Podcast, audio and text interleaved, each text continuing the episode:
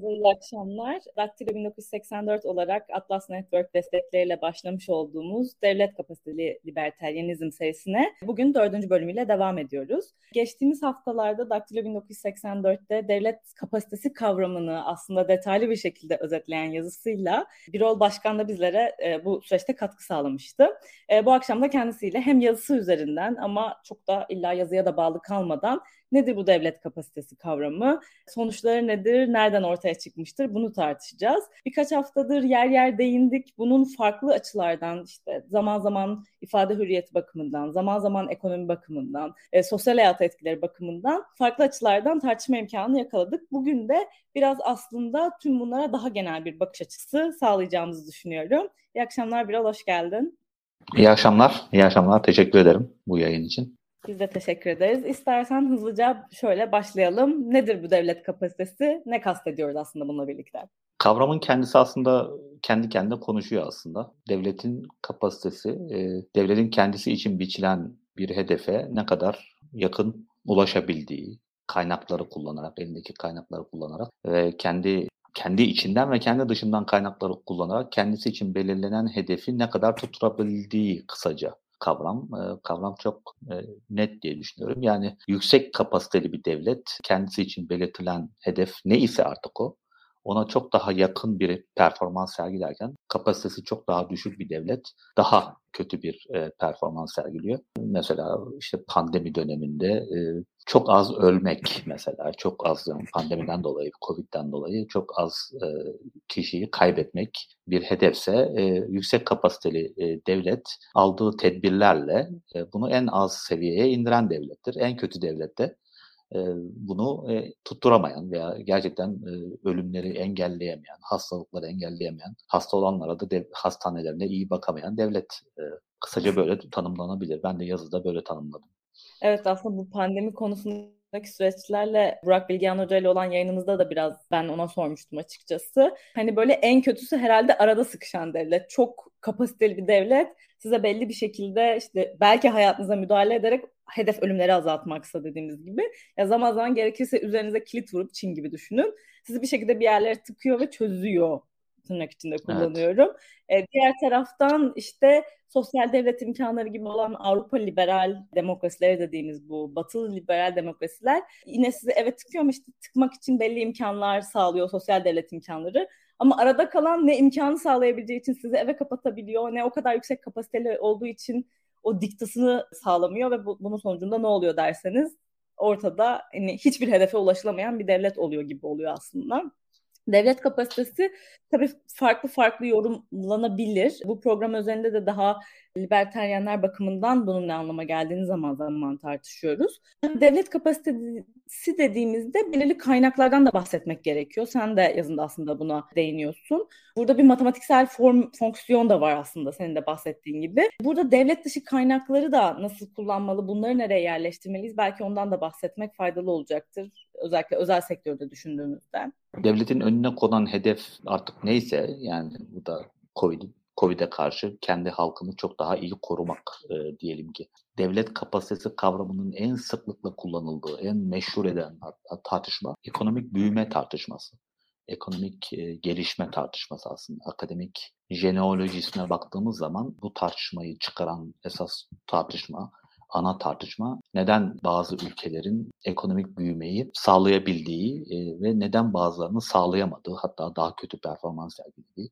Bu konuda veri çok fazla. Mesela 1960 yılındaki yani güncel dolar üzerinden kişi başına düşen gayri safi milli hasılaya baktığı zaman mesela Türkiye'nin gayri kişi başına düşen gayri, gayri safi hasılası Güney Kore'den de fazla. Japonya'dan da fazla. Türkiye'ninki 500 küsür doların üzerindeyken Japonya'nınki 475 dolar, Güney Kore'ninki 150 dolar civarında. Ama bugün gelindiği noktada mesela 60 yıl sonraya bakıldığı zaman Türkiye'nin kişi başına düşen gayri safi milli hasılası yine dediğim gibi güncel hesaplamalarla 8500 dolardayken hem Güney Kore hem Japonya'nınki o 40 bin dolara yaklaşıyor. Şimdi bu devasa bir fark ve bu devasa farkı açıklamak hem ekonomik yani o ekonomik gelişme nedir, nasıl sağlanır'a dair hem sosyologların hem siyasi politik siyaset saçılarının hem de saçıların üzerinde sıklıkla durdukları bir kavram ve e, devlet kapasitesi kavramı burada ortaya konuyor. E, burada ortaya e,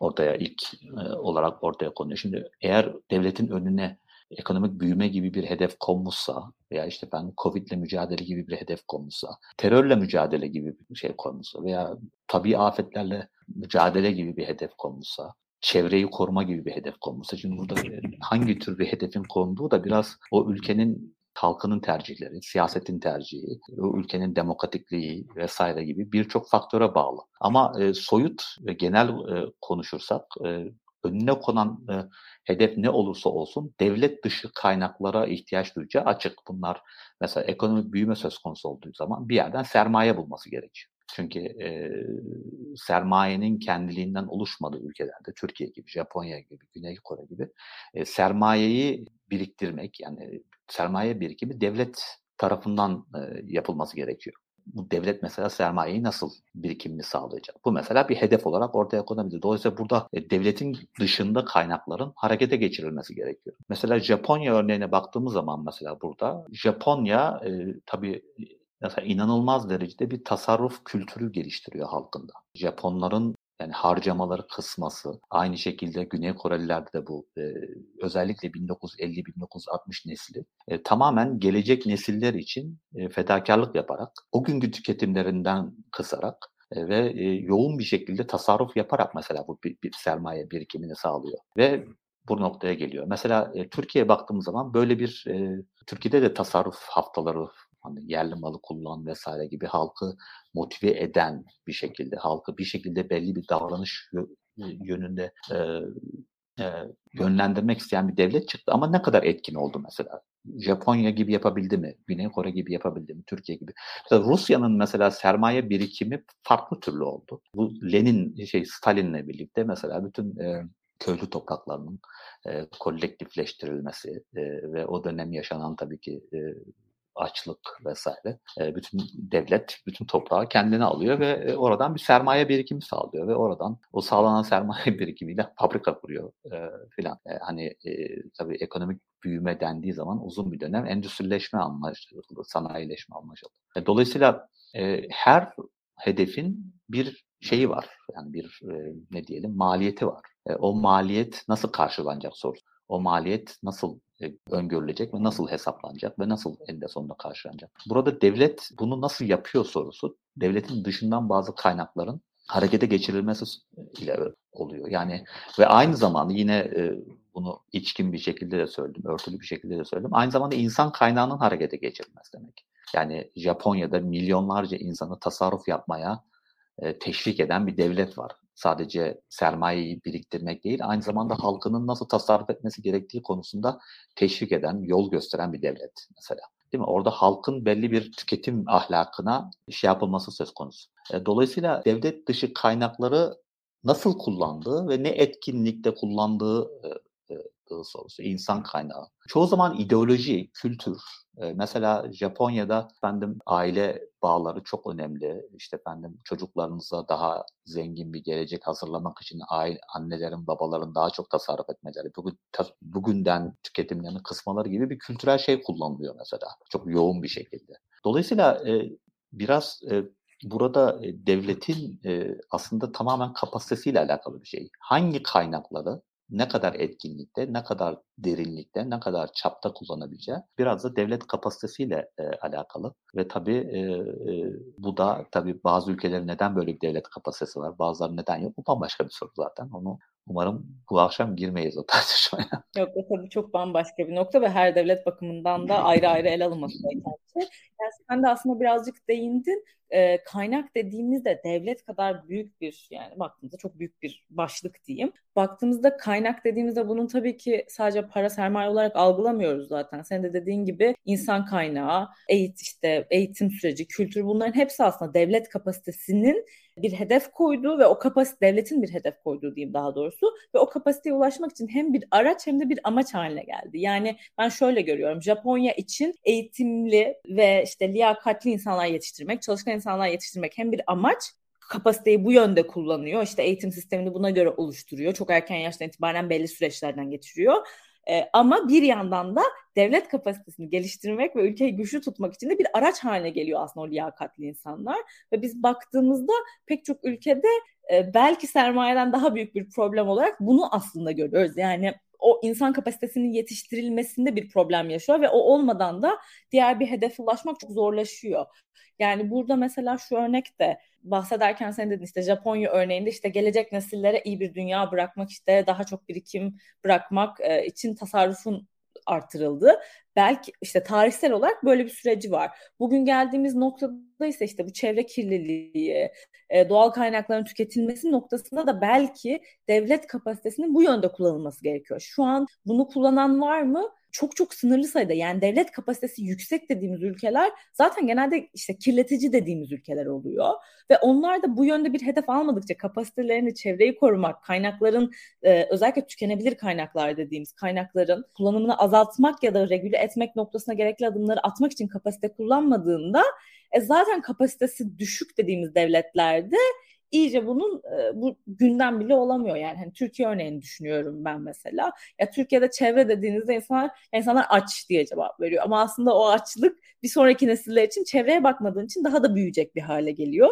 Ama devlet kapasitesini burada kullanmıyoruz. Devletin şu an için böyle bir kapasitesi e, yok gibi oluyor aslında. Bence o yüzden önemli yani bu insan kaynağı noktasında da senin hem şimdi değindin hem de yazına baktığında da e, değindiğin bir noktaydı.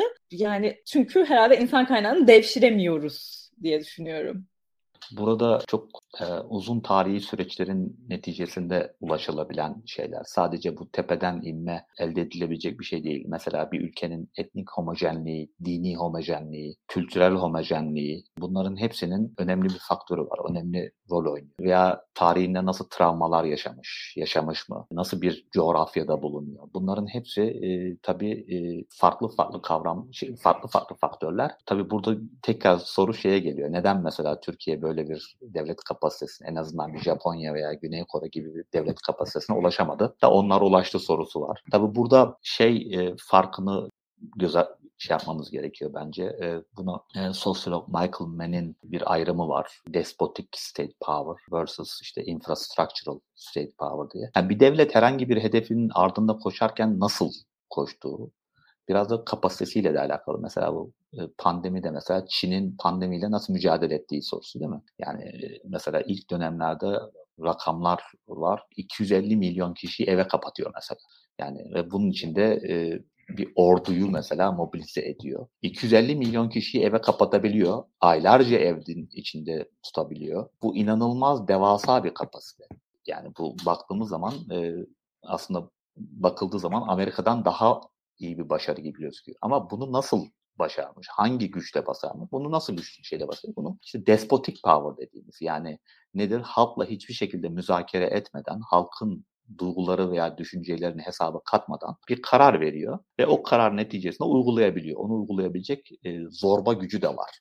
Diğer taraftan da infrastructural power'da halkı rıza yani e, devletin ardına düştüğü hedefi halkın kendisinin hedefiymiş gibi kabul ettirebilme ve halkı kendi isteğiyle o hedef ardında koşturabilme. Bu da mesela başka bir türlü bir kapasite ama yani hangisini tercih ettiğimizde biraz sadece etkinliği kadar nasıl bir rejimle karşı karşıya olduğumuz da burada önemli. Yani muhtemelen e, e, yani benim e, benim şahsi tercihim tabii ki rızaya dayalı bir şeydir. Devletler keşke halkları e, ardına düştük tabii bunun tabii faşistik versiyonu da var. Burada bence umarım bu akşam konuşabiliriz onu. Bu state capacity libertarianizmin bir iç çelişkisi de var değil mi? Yani şimdi e, halkı e, kendi rızası bel, halkın rızasını devşirerek belli hedefe ulaşmayı en iyi faşist devletler başarıyor aslında. Hitler'i karşılayan milyonlar değil mi? Şimdi burada da bir sıkıntı var aslında. Her iki uçta da bir anlamda infrastructural power var. Bir tarafta e, şey var. Her ikisinde de aslında e, bir e, bir bir şey var. Şimdi mesela şu anda da yaşanıyor aslında değil mi? Bu Ukrayna ile Rusya'ya karşı yapılan ambargolar ve Avrupa'nın doğal gaz ve petrol şeyi. Mesela orada işte e, ben e, hani Türkiye'de biraz şey konusu oluyor işte orada donacağınıza gelin Türkiye'de yaşayın bizim doğalgazımız da var işte efendim vesaire gibi. Ama ben orada aslında hükümetlerin kendi halklarını bir şey ardında yani ortak bir fedakarlık yapalım ve bunu aşalım. Çünkü karşı karşıya kaldığımız bir Rusya tehdidi var. Bu tehdit karşısında ortak fedakarlıklar yapmalıyız. Bazıları bunu alıyor, satın alıyor, bazıları almıyor ama neticede aslında bir devlet kapasitesi var. Devlet kapasitesizliği yok. Devlet bir karar alıyor diyor ki biz ambargo koyuyoruz. Gerekirse bu kış donacağız. Ve bunu halkına kabul ettirmek için birlikte donalım. Birlikte fedakarlık yapalım.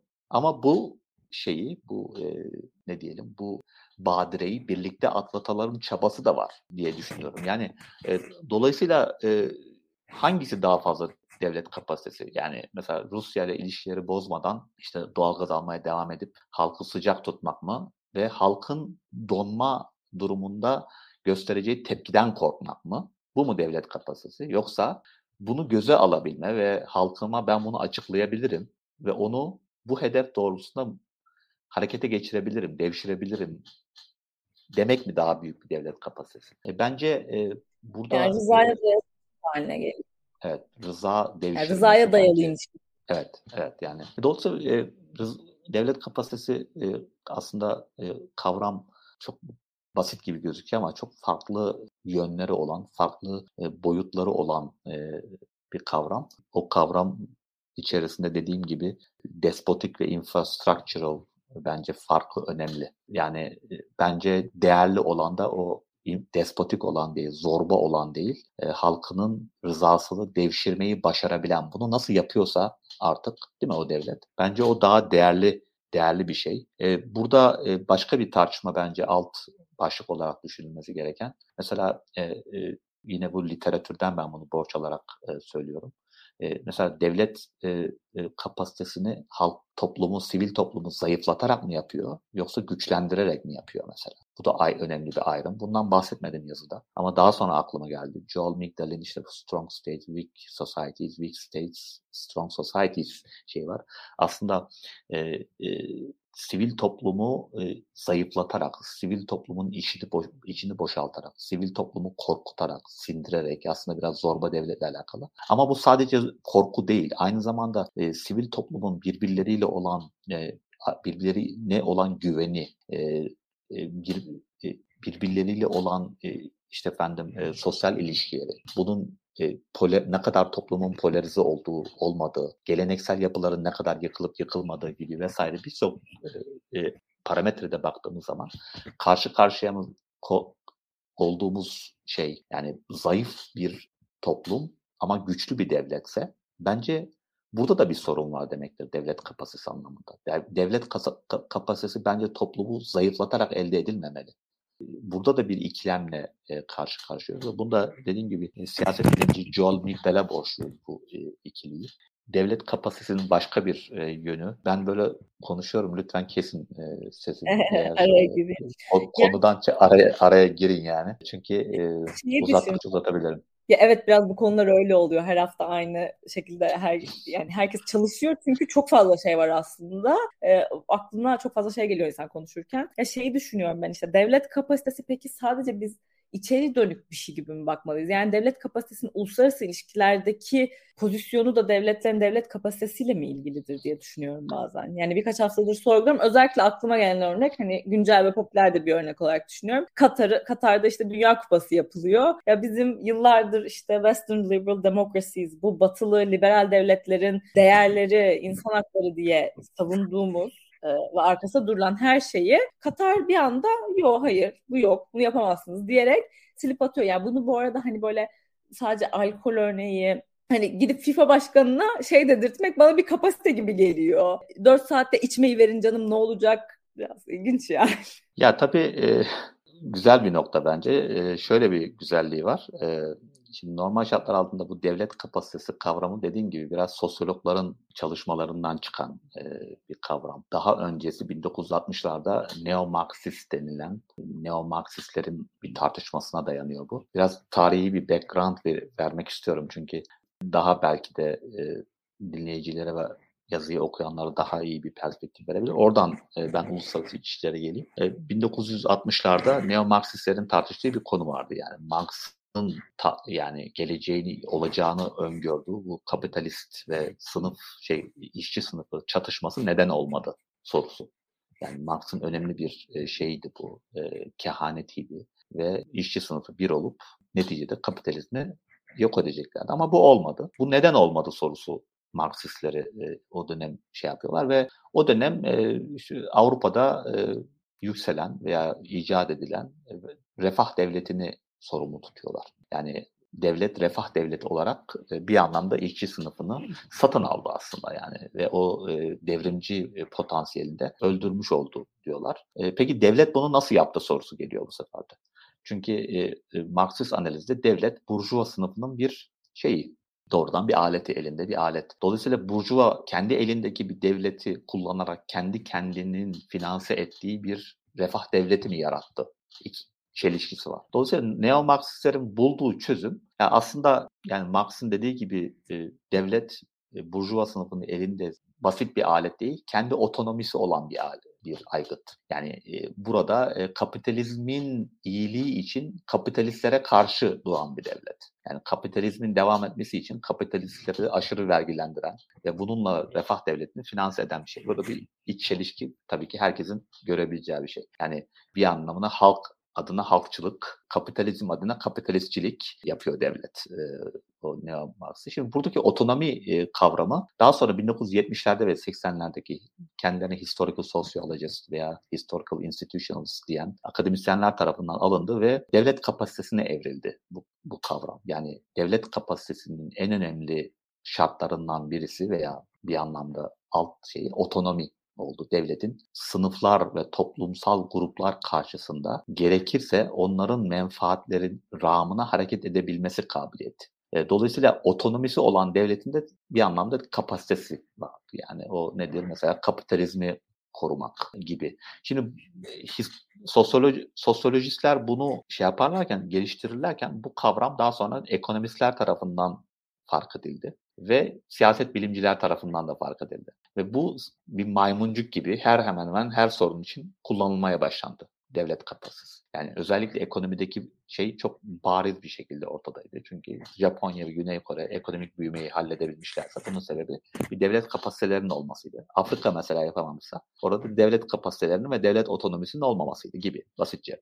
Siyaset bilimciler de bunun çatışma çalışmaları yani barış neden bazı toplumlarda iç çatışmalar çıkıyor, etnik çatışmalar çıkıyor. Bu da devlet kapasitesiyle yine açıklandı. Yani devlet kapasitesi varsa e, neticede bu etnik sorunlar da çözülüyor. İşte efendim her şey çözülüyor ama de, e, etnik devlet kapasitesi yoksa e, bu etnik çatışmalar artıyor. Hatta devlet o çatışmanın bir parçası haline geliyor. Daha da derinleştiriyor. İşte e, Ruanda'daki mesela işte efendim Türkçesi soykırım gibi mesela.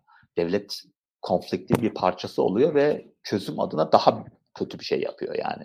E, konfliktin ötesine geçip toplam soykırım yapıyor. E, şimdi e, siyaset bilimcilerin ve iktisatçılar bunları bunları kullanırken e, benim bildiğim kadarıyla, takip edebildiğim kadar uluslararası işlerciler devlet kapasitesini bir faktör olarak almadılar diye biliyorum. Yani burada tabii ben siyaset uluslararası işlerci değilim ama uluslararası işlerci varsa da düzeltebilir beni. Yani dolayısıyla bir anlamda uluslararası ilişkilerde bu devlet kapasitesi nasıl neticeye etki eder, etki ediyor diye akademik bir çalışma yok diye biliyorum.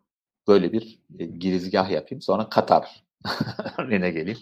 Katar e, tabii nasıl etkiliyor bunu? Bu ne derece devlet kapasitesi? Devlet kapasitesi tabii ki. Buradaki devlet kapasitesi ama Katar'ın devletinin kendi atıyorum otonom, otonomi tabii otonomisi çok önemli yani toplumsal kesimler karşısında hemen hemen e, hesap sorulmayan bir devlet. Vergi almıyor çünkü. Bütün gelirleri petrol ve doğalgazdan. Halktan vergi almadığı için halka herhangi bir şekilde cevap verebilirliği de yok. Dolayısıyla halktan vergi almak için halka aslında hizmet de sunmak zorunda değil ama o petrol ve doğalgaz gelirleriyle rejimlerin devamı için halka bir son derece e, cömert bir refah devleti sunuyor. Ama burada şunu da biliyoruz biz. Yani mesela Katar örneği 11 bin civarı askeri var Katar'ın. Yani hiçbir şekilde Katar kendini çevresindeki hiçbir devlete karşı savunamaz. Askeri olarak, savunma olarak. Onu geçtim. böyle bir turnuva düzenliyor. Onu oradaki güvenliği sağlayacak polis teşkilatı yok. O yüzden mesela e, işte Türkiye'den 5000 tane polis gitmişti. Sayısını tam olarak bilmiyorum. Sadece Türkiye'den değil Pakistan'dan da gitti. Aynı zamanda Fransızlardan da İngilizlerden de zannediyorum üst düzey böyle stratejik danışmanlık alıyorlar. Bu nasıl devlet kapasitesi? Biraz önce bahsettiğimiz hani sadece sermaye kaynağıyla değil tabii buradakine sermaye diyemeyiz sonuçta doğal kaynaktan bahsediyoruz Katar örneğinde ya da Birleşik Arap Emirlikleri'nde ama sadece para kaynağı değil insan ve yetişmiş insan kaynağının eksikliğinde aslında hani görüyoruz. Çünkü böyle Katar örneğinde baktığınızda okey kendi vatandaş sayısı zaten çok az. Çalışanlar genel olarak dışarıdan gelen Pakistan, Hindistan gibi biraz daha gelişmemiş ya da geçmekte olan ülkelerden gelen mavi yaka ya da işte hizmet sektöründe çalışanlar diyelim. E, insan kaynağı yok. Ama diğer insanlar da çalışıp bir yere gelme hedefleri olmadığı için e, devlet içerisinde hani bir eğitim, yükselme bunların da hiçbiri yok. O yüzden e, Katar kapasitesi noktasına gelince biraz önce tartıştığımız şeylerden gelince bence bir devlet kapasitesi yok. Para gücü var. İşte burada hani mesela şu da var. Hani tamam Katar'ın ve Suudi Arabistan'ın Birleşik Arap Emirlikleri'nin hepsinin aynı sorunları var bu arada. Yani bunlar birbirinden çok farklı devletler değil. Yani Katar için dediklerimin aynısı Birleşik Arap Emirlikleri için de geçerli, Kuveyt için de geçerli, Bahreyn için de geçerli, Suudi Arabistan için de geçerli. Yani e, devlet kapasitesi, normalde geleneksel devlet kapasitesi anlamında cidden zayıf ülkeler bunlar. Ancak bunları ben tam anlamıyla da bir başarısızlık örneği görmüyorum. Şöyle ki yani petrolün ve doğal gazın olması her zaman o ülke için e, bir şey olmuyor e, onun Türkçesine blessing olmuyor her zaman. Yani hatta fayda. literatür literatürde hatta bu resource curse olarak geçer bu. Kaynak belası. E, neden? Çünkü e, bir şekilde dünyanın yani kapitalist dünya ekonomisine bir şekilde tek bir ürünün ham maddenin ihracatçısı olarak giren ülkelerde bir sürü sorunlar çıkıyor. İç çatışmalardan tut otoriterleşmeye kadar. Hatta bir makale Körfez'deki mesela kadınların haklarının diğer ülkelere göre daha az olmasını, daha fazla patriarkal toplumlar olmasını bile petrole bağlıyor. Yani bu kadar o rantçı devlet yapısı toplumları bu kadar şekillendirmiş bir bölge. Ama şu da var. Neticede Libya'nın da mesela çok büyük petrol kaynakları vardı. Irak'ın da petrol kaynakları vardı. İran'ın da büyük petrol kaynakları vardı. Bir şekilde mesela Nijerya'nın hakeza, Nijerya ki Nijerya'daki çıkan petrol e, dünyanın en kaliteli petrollerinden birisi yani şey olarak hem sülfür oranı olarak hem de akıcılık olarak dünyanın en kaliteli petrolleri arasında. Buna rağmen mesela dağıtımı o kadar iyi yapamıyor mesela. Refah devleti kuramıyor. Dolayısıyla işte orada bir tane İslamcı şey çıktı. Kızları kaçırıyor bilmem ne. Adı neydi onların ya? Boko Haram. Boko Haram çıktı mesela. E, mesela şey başka kıtalardan örnek de versek şey de Venezuela mesela. Venezuela bambaşka bir yerde bambaşka devlet ama yani sadece bu çok fazla konuşurken hep Arap ya da Orta Doğulu'ya bağlanan bir şey ama değil aslında. Evet, Herhalde evet. bir tek Nord ülkelerde onlarda da biraz kaynak var aslında. Nordik ülkelerin de evet, doğal Norveç, kaynağı var Norveç. ama Norveç'te var ama hani orada devlet kapasitesi bilmiyorum soğuk iklimin faydası mı ama gelişmiş. Ben o Körfez örneğinde şunu demek istiyorum. Yani bence Körfez'in e, herhangi bir şekilde böyle e, dünyanın en zengin ülkeleri olabilmeleri, halklarını inanılmaz bir refah içerisinde yaşatabilmeleri bir başarısızlık değil. Bunu nasıl başarıyorlar? E, bunu bir şekilde başarıyorlar. O parayı iyi kullanarak başarıyorlar. O da var. Yani hani buradaki petrol gelirlerini iyi kullanmak bir şekilde bir kapasite bence. Yani dediğim gibi mesela hani kendi ülkesindeki Dünya Kupası'nın güvenliğini bile sağlayamayacak bir ülke. Ama mesela e, sağlık hizmetlerini çok etkin bir şekilde halkına veriyor mesela. Ondan sonracıma eğitim hakeza. Kendi iç kaynaklarından devşiremese bile yurt dışından veya dünyadan beyaz ve mavi yakalılar getirerek o ülkeler bir şekilde işini görüyor. İlginç vakalar. Onların finansal güçlerini, ekonomik güçlerini kullanarak dış politikada etkin olmaları da bence aynı. Bir anlamda devlet kapasitesi bir anlamda da değil aslında. Onu kullanabiliyor olmak, o kaynakları kullanabiliyor olmak bir kapasite ama mesela hani şu var yani bu tabii yönetici ailelerin biraz şey diplomasiyi çok iyi bilmeleri. Tüccar toplum bir de bunlar. Yani her şeyden para kazanmaya bakan tiplemeler. Yani Türkiye'deki... Ya evet aslında e, baktığımızda devletler bunların hepsi böyle çölün ortasında kurak kurak yerler yani. Adamlar doğrudur yanlıştırını geçtim takdir ettiğim için değil illa ama yani bir turizm cenneti yarattılar. Aynen. Yani Dubai değil mi mesela? Dubai. Mesela Dubai ya benim hiç çekecek bir yer hani çekmiyor beni turistik olarak ama inanılmaz bir turistik akım var. İklimi de sebebiyle adam yaz turizmi yapıyor. Yaz turizmi yapıyor sonra Dubai havalimanı dünyanın en kalabalık, en çok yolcu gelen havalimanlarından birisi. Birçok insan oraya gidip turist Dubai'ye turist olarak gidiyor. Yani Aynen, mesela bir halife yazmış şu, şu benim çok dikkatimi çek. Bu arada şunu da eklemekte fayda var. Eğitim diyerek çok önemli bir noktaya bence biraz önce değindin. Mesela Birleşik Arap Emirlikleri'nde, emirliklerde işte Dubai'de ve özellikle Abu Dhabi'de eğitim konusunda gerçekten çok iyi üniversitelerin e, kampüsleri var ve bizim gerçekten Türkiye'den de çok iyi akademisyenler de çalışıyor orada çok uzun sürelerdir. Ama mesela kampüslerin içerisinde hani ben ziyaretçi olarak bulunduğumda gördüğüm şuydu. Kampüslerin içerisinde öyle bir hayat yaratmışlar ki o expat hayatı gibi düşünmek lazım. Yani dışarıdakiyle alakası yok ya da genel bir Arap kültürüyle alakası yok. Siz batıda gibi yaşıyorsunuz. Ya evet. bu da bir kapasitedir bir yandan. Takdir edip etmemek ayrı. Havalimanı konusunda da şunu ekleyeceğim. Şimdi yıllarca bizim Türkiye ya yani soft power dediğimiz aslında devlet kapasitesinin bence önemli bir yansıması uluslararası ilişkilere. Tabii. Soft power dediğimiz bu marka değerleriniz sizin çok önemli uluslararası ilişkilerde baktığınızda ve Türk Hava Yolları Türkiye'nin çok çok uzun yıllar boyunca bence çok önemli bir marka değeridir. Hala çok iyi bir hava yolu bu arada ama özellikle pandemi sonrası benim gözlemim, yanlış da oluyor verilere bakmak lazım. O değerini biraz kaybetmeye başladı ve bunun en büyük yansıması da benim gözümde şu oldu. Doha yani Katar e, şimdi sonuç olarak baktığınızda işte Amerika ya da Avrupa kıtalarının doğuya bağlayan aktarma noktaları var dünyada. Bu da İstanbul'da eskiden Atatürk Havalimanı iken İstanbul Airport kötü bir zamanda açıldı. O sadece havalimanını eleştirmek için de demiyorum ama İstanbul'da nokta olarak. Şimdi baktığınızda Doha'ya giderseniz Doha Havalimanı böyle Avrupalı, Amerikalı daha o batıdan gelen insanların İstanbul Havalimanı'na göre daha fazla barındırdığı bir yer haline gelmiş. Yani onu da elde etmişler ve bence bu da büyük başarı. Yani Qatar Airways, Emirates, Dubai'ninki Emirates başka bir tane daha var yine o bölgeden olan. Ya bu üçü gerçekten hani baktığınızda inanılmaz bir güç olarak yükselmişler. Eminim bunun arkasında bu arada devletin para kapasitesi, oyu bunlar vardır. O yüzden bunlar da devlet kapasitesinin bir yansıması. Ama yani, yani düşünmek... ben e, yönetici ailelerde bir yani yönetici ailelere de hakkını vermek gerekiyor. Yani mesela Dubai o hale getiren şu andaki emirin Muhammed bin Raşid'in babası Raşid bin Mektum. Mesela Dubai'de 1980'lerde bölgenin en devasa tonajlı gemilerini çünkü Körfez'in sorunu şey Körfez çok sığ sulardır. Dolayısıyla büyük tonajlı gemiler gelemez şeyde. Mesela Raşit mesela bunu fark ediyor ve yani resmen o denizden kumları taşırtarak oradaki dev tonajlı gemileri yük indirip bindirebilecekleri bir devasa bir Dubai limanı yapıyor.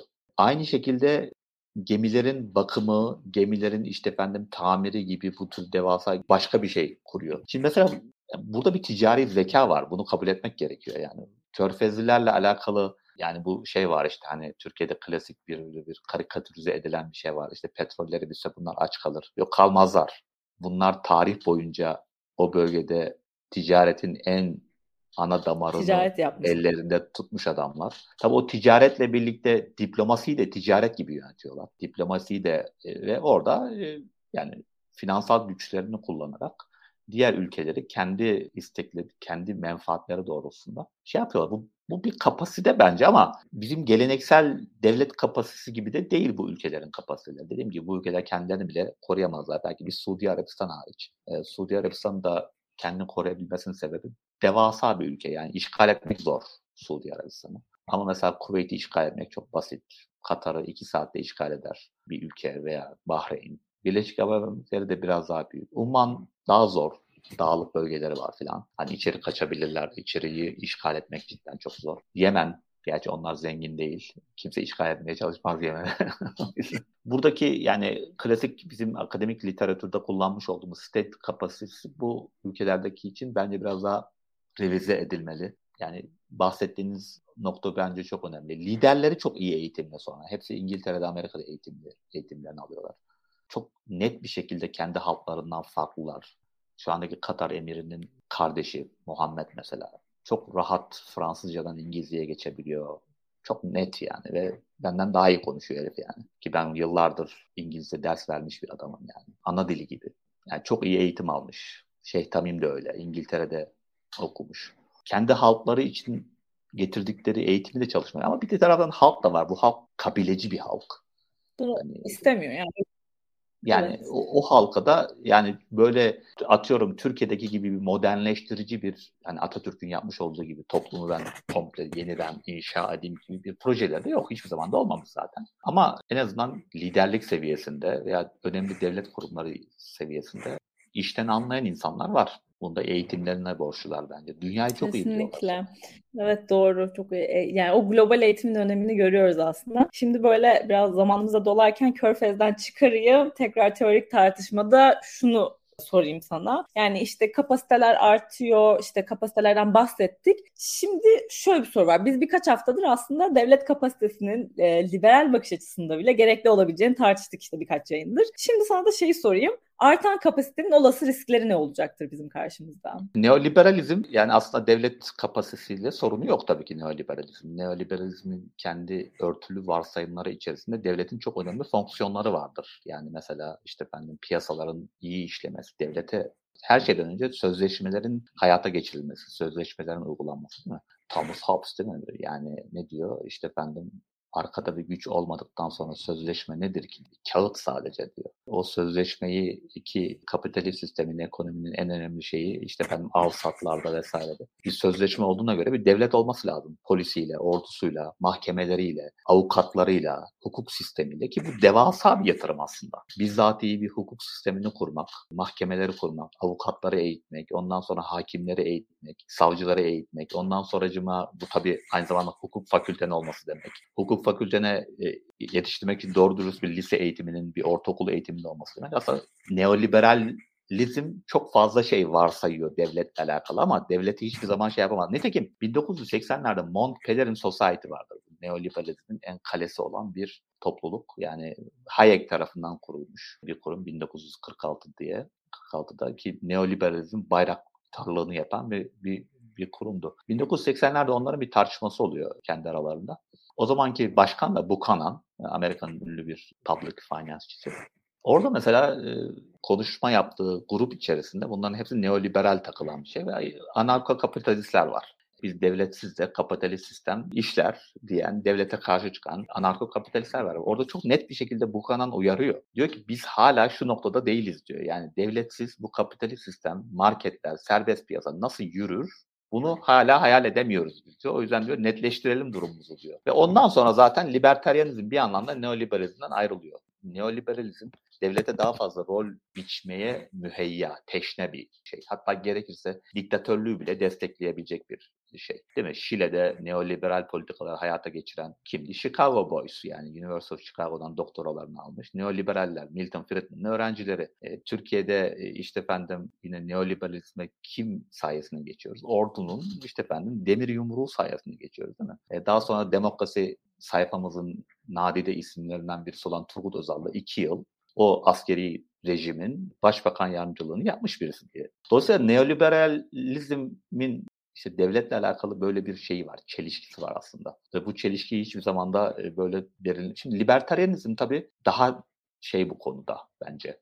Daha bilinçli. Yani devlet de daha mesafeli. Ki nitekim bu yazı dizilerinin de ilhamını veren Tyler Cowen, George Mason Üniversitesi'ndeki iktisatçı işte. Mesela ilk başta devlet kapasitesini de biz artık kabul edelim arkadaşlar falan derken ilk başlangıcı şu diyor ki serbest piyasadan asla vazgeçilmez diyor. İlk önce bunu ortaya koyayım diyor. Yani böyle statement of faith yani bu serbest piyasaya olan inancımı asla sorgulamayın ama acaba biz devleti de düşünsek mi diye getiriyor. Bu bana şeyi hatırlattı. Şimdi 1900 2000'li yıllarda AK Parti ile alakalı veya Türkiye'deki tarikatlarla alakalı böyle olumlu kitaplar yazmış olanlar hep böyle preface'de yani ön sözde şey yazarlar. İşte benim ailem de CHP'li yazar. Ama işte ya belki İslamcılarda da demokratik bir potansiyel vardır falan gibi böyle bir şey düşerler, not düşerler. Yani hani bu ihtimali de göz ardı etmeyelim diye. Tyler Cowen'ın da o psikolojisi var. Yani neyi davet ettiğinin çok iyi bilincinde bence Tyler Cowen. Devlet kapasitesini daha olumlu bakmalıyız. Belki devlet kapasitesi libertaryenizmi daha da derinleştirmemize yardımcı olabilir derken aslında nasıl bir Pandora'nın kutusunu açtığının da farkında bence. Farkında olduğu için de ilk birinci planda saydığı madde free marketten, serbest piyasadan vazgeçemeyiz diyor. Yani bu konudaki imanımı sorgulamayın diyor. Daha sonra işte bu state capacity şey yapalım diyor. Şimdi buradaki şey ne? Yani şimdi e, liberalizm ister klasik olsun, ister neoliberal olsun. Şimdi libertaryanizmde öyle bir şey var. Burada devletle alakalı şöyle bir rahatsızlık var. Bunu şey yapmamız gerekiyor. Nedir? Biz devleti büyüttüğümüz zaman bir şekilde bunun artık kontrolden çıkıp bizim özgürlüklerimizi ve haklarımızı gasp etme veya bunları undermine etme, bunların altını oyma yolu açılmış olur. 1900 yani 46'da Mont Pelerin Society'nin kuruluşunda da bu zaten var. Biliyorsunuz işte Keynesyenizm artık kabul edilmiş. E, devletin refah devleti kurmaya yönünde işte efendim e, artık kapılar açılmış. O yetmiyor artık e, para ve maliye politikalarıyla işte efendim ekonomiye de müdahale etsin. Artık ekonomide kabul edilir bir hatta dominant olmuş. Onların ilk açıklaması şey, medeniyet tehdit altında diyor. Medeniyetin değerleri tehdit altında. Pardon, yani bunu İsviçre'den yazıyor ve Amerikalılar söylüyor, İngilizler söylüyor. Nasıl tehdit altında? İşte devletin refah hizmetlerini veriyor olması veya işte efendim devletin atıyorum ekonomiye müdahale ediyor olması bir tehdit olarak görüyor çok ciddi bir şekilde. Şimdi o rahatsızlık hep var. Şimdi mesela Thomas Hobbes'a dönersek niye Thomas Hobbes Leviathan diyor? Leviathan bir canavarın ismi mi? Yani o state of nature'dan çıkarken yaratılan devlete Leviathan demesinin bir hikmeti var. Yani tamam biz bir şey yaratıyoruz, çok güçlü bir şey yaratıyoruz ama bu canavar aslında. O korku, o var. Dolayısıyla bu en başlangıç noktası. Değil mi? Biz o canavarı nasıl kontrol ederiz? Ve bu Batı felsefesinde de, Batı sanatında da, Batı edebiyatında da şey var. George Orwell İngiliz. 1984'ü Rusya'da yazmıyor. Faşist Almanya'da yazmıyor. İngiltere'de yazıyor. Ve temel korkusu ne? Temel korkusu eğer bu devlet böyle giderse belki bizi faşist Almanya gibi, komünist Rusya gibi bütün özgürlüklerimizi tehdit edebilecek kadar büyüyebilir. Aynı şekilde aynı dönemde yaşayan Ayn Rand'a bakalım. Ayn Rand'ın endişesine. İşte efendim biz böyle herkese yardım eden bir devlet, welfare devletin sorunu ne olabilir? Orijinaliteyi öldürür, yaratıcılığı öldürür, herkesi aynıleştirir. Şimdi Tyler Cowen bu tabii bu tarihten ne kadar iktisatçı, iktisatçıların biliyorsunuz tarih hafızası övülesi değildir. Bazıları Paul Samuelson'ı sorduklarında bilmiyorum diyen doktor öğrenciler gördüm yani ben. Yani iktisat çalışıp Paul Samuelson kim, o kim ya falan diyen tipler gördüm. Keynes'i sorsak bilmez bilirler yani onu da. Belki şimdi biliyor olabilirler yani. Şimdi Tyler Cowen ne kadar çok bu tarihi biliyor bilmiyorum ama yani devlet kapasitesi aslında devletin refah hizmetlerin devlet kapasitesinin artan bir devlet kapasitesi refah devleti kurarak büyüyen devlet kapasitesinden daha tehlikeli bir devlet bence özgürlükler noktasında. Neden? Üstelik bunu da şey diyor işte efendim şimdi yeni teknolojiler var işte Twitter var, sosyal medya var falan. E, bizim bu, bununla karşı karşıya kalmış olduğumuz dev, sorunları ancak kapasitesi yüksek. Pardon, esas bu yeni teknolojilerle kapasitesi artmış bir devlet daha büyük bir tehdit olur. Özgürlüklerimiz için, kimliğimiz için ya o yeni teknolojileri kullanarak bizi aynileştirmezse bu devlet, Ayn Rand'ı hatırlarsak, aynileştirirse, aynı kişiler hale getirirse, bizi aynı yerlere yönlendirirse, daha büyük kapasite, daha büyük teknoloji, daha büyük tehdit. Yani e, liber, state capacity libertarianism bence oksimoron bir kelime. Libertarianizmin özünü de bence compromise eden, çok ciddi taviz veren bir davet olur.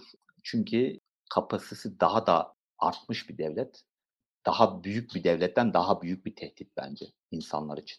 Tabii bu bizim için sorun değil yani. Biz Türkiye'de yaşıyoruz sonuç olarak. Biz neler neler yaşıyoruz da en azından Amerika'dakiler, İngilizler bari onlar şey kalabilsin yani değil mi? Böyle yaratıcı, ondan sonra orijinal falan kalabilsin. Yani. Ya bizde şöyle bir şey var. Bizde kapasite artsa da o kadar çok şey yaşanıyor ki yaratıcılık asla bitmiyor. Hani yani hep onu diyorum. Türkiye'de yaşanan şeylerin bir kısmı Avrupa'da yaşansa intihar oranları 5 katına falan çıkardı. Biz, bizde sabır ve şey bir şekilde yani artık tarihin ne noktasına itibaren bilmiyorum ama o dirayet şakaya komikliğe dönmüş bir durumda yani. Özellikle bu gezi sonrası başlayan işte bu mimler, internetteki şakalar. Yani aslında başımıza gelen kötü şeylerden yapılan o şeyler inanılmaz. Yani herkesin içinden bir karikatürist çıktı gibi bir şey oldu. O yüzden gerçekten bilmiyorum. Devlet kapasitesi zor bir konu ama birkaç haftadır hep aslında bir şey, bütün işte katılan konuklar, akademisyenler hep şey noktasındaydı. Yani biraz lazım devlet kapasitesi. Şu an bu dediğiniz şey aslında bu oksimorona değinmek bence o yüzden izleyenler ve takip edenler için de iyi oldu. Ya yani bizim gibi ülkeler şey... için gerekli bence. Çünkü biz daha yani şeyde değiliz yani böyle libertaryen libertaryanizmin lüks, bize lüks yani şimdi açıkçası böyle bir toplum için. Biz daha demokratiyle sorunumuz var. Ondan sonra sekülerlikle sorunumuz var. İşte efendim kadınlarla, kadın haklarıyla alakalı sorun. Biz yani böyle bir toplum için libertaryanizm tartışması biraz şey var yani ayranı yok içmeye atla çıkar gezmeye tarzı bir şey açıkçası. Evet, Dolayısıyla hani bizim için bizim ama... için devlet birazcık devlet kapasitesi iyi olur ama yani artık özgürlüklerini sınırlarda yaşayan, artık yani kendilerine atfedilen cinsiyeti bile sorgulayan bir toplum için belki mesela değil mi LGBT bugün diyor ki bize dayatılan diyor devletin dayatmış olduğu ikili cinsiyet yapısını kabul etmiyoruz diyor mesela. Şimdi nasıl bir evet. özgürlük seviyesi bu artık yani. Hani adamların laiklik derdi yok, adamların liberal devlet derdi yok. Fikirlerini özgürce acaba açabilir miyim, açamaz mıyım? İşte efendim devlete hakaret mi var? Acaba devlet büyüklerine hakaret mi var? Veya işte ben dine hakaret mi var? Bu tür bu tür kaygıları yok adamlar. Bu adamların kaygıları ben kendimi işte evet. hissettiğim cinsiyette yaşayabiliyor muyum ve bunu ifade edebiliyor muyum gibi son derece artık böyle krem de la krem böyle dertler bunlar. Bunlar birinci dünya dertleri tabii yani bizim gibi üçüncü dünya dertleri.